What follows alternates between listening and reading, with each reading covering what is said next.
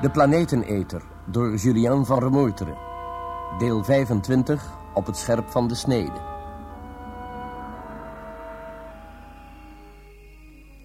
Nog voor de radiostations melding maakten van de vreselijke aardbevingen die de Amerikaanse westkust teisterden, waren Walter en ikzelf al op de hoogte van het gebeuren.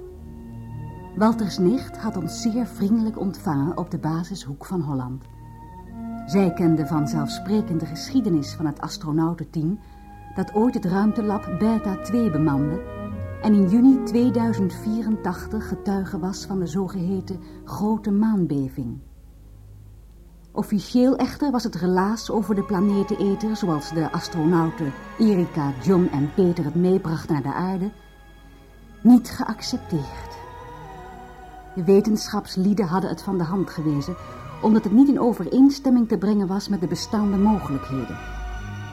Toen de sensatiepers er geen brood meer in zag, verdween het planeteneterverhaal spoedig op de achtergrond en ook Walters nicht hechtte er geen belang aan. Nadat Walter en ik haar een hoogst aantal merkwaardige bijzonderheden hadden verteld, leek ze toch erg geïnteresseerd. Vooral omdat uit waarnemingen wel degelijk gebleken was dat het aantal aardbevingen gestegen was met 40% in vergelijking met de toestand voor de grote maanbeving. Midden in ons gesprek kwam via de intercom het bericht door van de Amerikaanse ramp.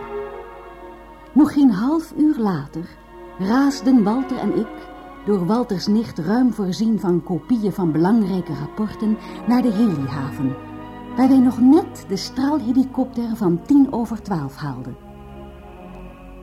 Half één waren wij terug. Twintig voor één bereikten wij hijgend het bureau van dokter Kimball, waar wij alleen maar een sombere Peter aantroffen. Hij vertelde ons dat Kimball als de weerlicht vertrokken was naar de Noordzeebasis.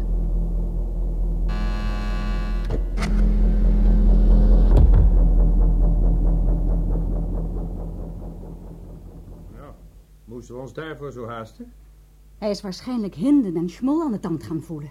Ach, nu komt er schot in, Peter. Ik verwacht er helemaal niks van. Maar je kunt toch niet zomaar die ramp in Amerika wegmoffelen? Reken maar dat het een geknok van je welste zal zijn.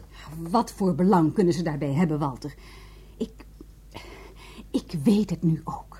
Er zit iets in de stille oceaan. En als we niet opletten, dan is het onherroepelijk te laat. Ga nou niet paniekerig doen, hè? Het kan een samenloop van omstandigheden zijn. Mijn nicht heeft gezegd dat het getroffen gebied vaker aardbevingen te verduren heeft. Ja, op zo'n schaal en, en dat nou precies in een rand van het gebied waarin de planeteneder terecht kwam. Ach, soms ben jij echt tegen de draad om tegen de draad te zijn, Walter. Ah, goed, goed, goed. En dan?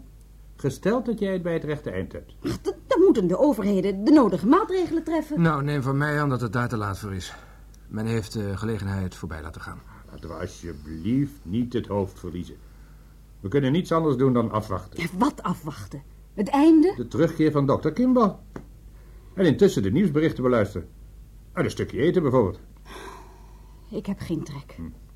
Hoe schakel je dit radiotoestel in? Gewoon de linkse knop omdraaien. Dat is gewoon een ouderwetse ding. En jij? Wat ga jij doen, Peter? Ik? Niks. Horen jullie? Beeld het zien Nergens meer nieuws over de aardbeving. Gewoon het dagelijkse muziekmolentje. Wat bewijst dat? Dat er nog geen algemene alarm is gegeven. En dus ga ik nu voor fourageur spelen. Wie heeft trek in een paar sandwiches? Eentje dan. Mooi. En jij, Peter? Hm? Oh, oh, nee, nee, dank je. En terwijl wij eten, kunnen we samen eens de hoek van Hollandse papieren doornemen. Nou, tot zometeen.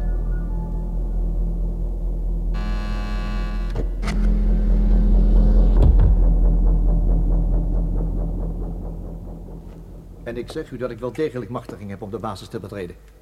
En dat ik onmiddellijk ruimtevaartingenieur Schmol wens te spreken. Jawel, dokter Kimball, maar... Als u weigert hem voor mij op te zoeken, dan maak ik hier een zaak van. En ik zal niet aarzelen een aanklacht tegen u in te dienen. Ben ik duidelijk? Ja, dokter Kimball. Ik, uh, ik zal echt mijn best doen. Wat zo, dat klinkt wel heel beter. Jullie hebben hier al bericht binnengekregen over de aardbeving in Amerika? Ik hoorde er wel wat over, ja. En hoe reageerden de hoge pieten? Tja, er werd duidelijk vergaderd, geloof ik. Maar waarover ze spraken, dat weet ik natuurlijk niet. Waar kan ik Schmol nu vinden? Blok 15, kamer 449, dokter. En eh, mag ik erop rekenen dat u, eh, dat u mijn nummer niet gezien hebt? Nou, daar hoef ik niet om te liegen. Ik weet het echt niet. En zeker niet als u met uw hand bedekt. Bedankt.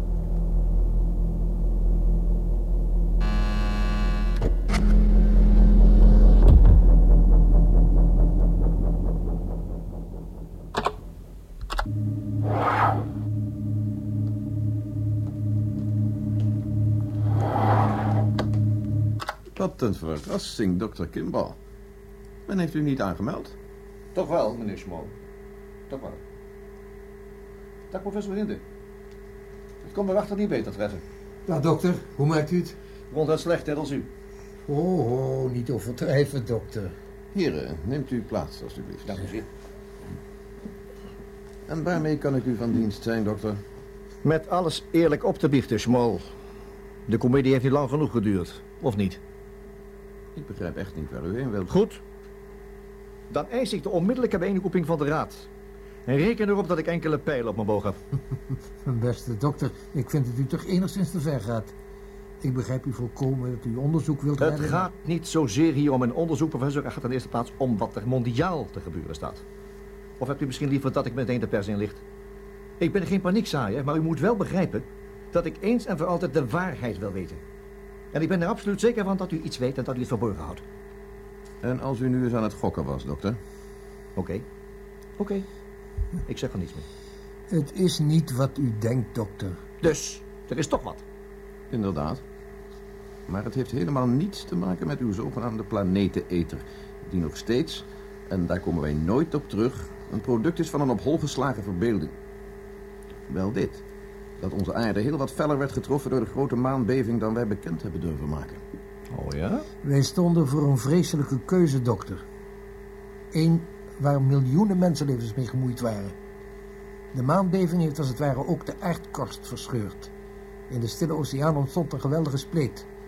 Tussen haakjes de zeer snelle vorming van een bolvormige wolk... opgemerkt door de astronauten van de Beta 2 was een feit. Maar die wolk werd veroorzaakt door het doordringen van een grote massa water tot het magma. We mochten van geluk spreken dat de aarde niet opengebarst is. Nou ja, deze ontwikkeling van reuzenkracht had tot gevolg dat de aardkorst nog meer in een labiele toestand werd gebracht. Praktisch alle vaste landstrempels vertonen enorme inzakkingen. Het gewicht in de onderliggende lagen balanceert, als ik me zo mag uitdrukken, op het scherp van de snede. En dus was het heel gemakkelijk te voorzien dat onze wereld enkele rampen niet bespaard zouden blijven. Jammer genoeg in zeer dichtbevolkte gebieden. U moet echter begrijpen dat geen menselijke krachtsinspanning ook maar iets kon doen om de dreiging af te wenden. U komt toch de meest bedreigde gebieden laten evacueren? Ik zei u daarnet dat deze streken precies het dichtstbevolkt zijn, dokter. En hoe zou u het vraagstuk oplossen om meer dan een miljard mensen in korte tijd te evacueren? Waar moeten wij ze heen brengen? En waarmee? Tegen de natuurkrachten kunnen wij nog steeds niet op, weet u. We kunnen niet eens een onweer in bedwang houden. En dus hield u de zaak zo stil als mogelijk was? Ja. Het stilhouden had dit voordeel dat paniek vermeden werd. Slechts enkele tientallen mensen weten wat ons te wachten staat. Het pleit voor hen dat er tot nog toe niets is uitgelekt. Als u niet overtuigd bent, dan moet u maar eens bedenken wat een miljard mensen in paniek kunnen uitrichten, dokter. U bent toch psychiater? Hoe bent u eigenlijk tot de conclusie gekomen dat wij iets verzwegen? Noem het gerust intuïtie, Schmol. En de rest is beroepsgeheim. Vermoedt Peter Landseer soms wat? Nee, dat niet. En wat denkt u nu te doen? Ja, wat, wat, wat kan ik doen? In elk geval zwijgen. Mag ik op uw woord vertrouwen? Vanzelfsprekend. Wat nou, ja. Met Smol? Een uiterst dringende oproep van dokter Kimball, meneer Schmol. Is dokter Kimball soms bij u? Jawel, geef maar door. Alsjeblieft. Ja, ik kom. Dokter Kimball? Ja, ja, ja, ja. ja. Neem me niet kwalijk, dokter. Ja, ben jij dat, Walter? Neem me niet kwalijk, dokter Kimball. Maar dit moest ik u toch even berichten. Erika is teruggekomen en zegt dat ze opnieuw en definitief met u wil meedoen.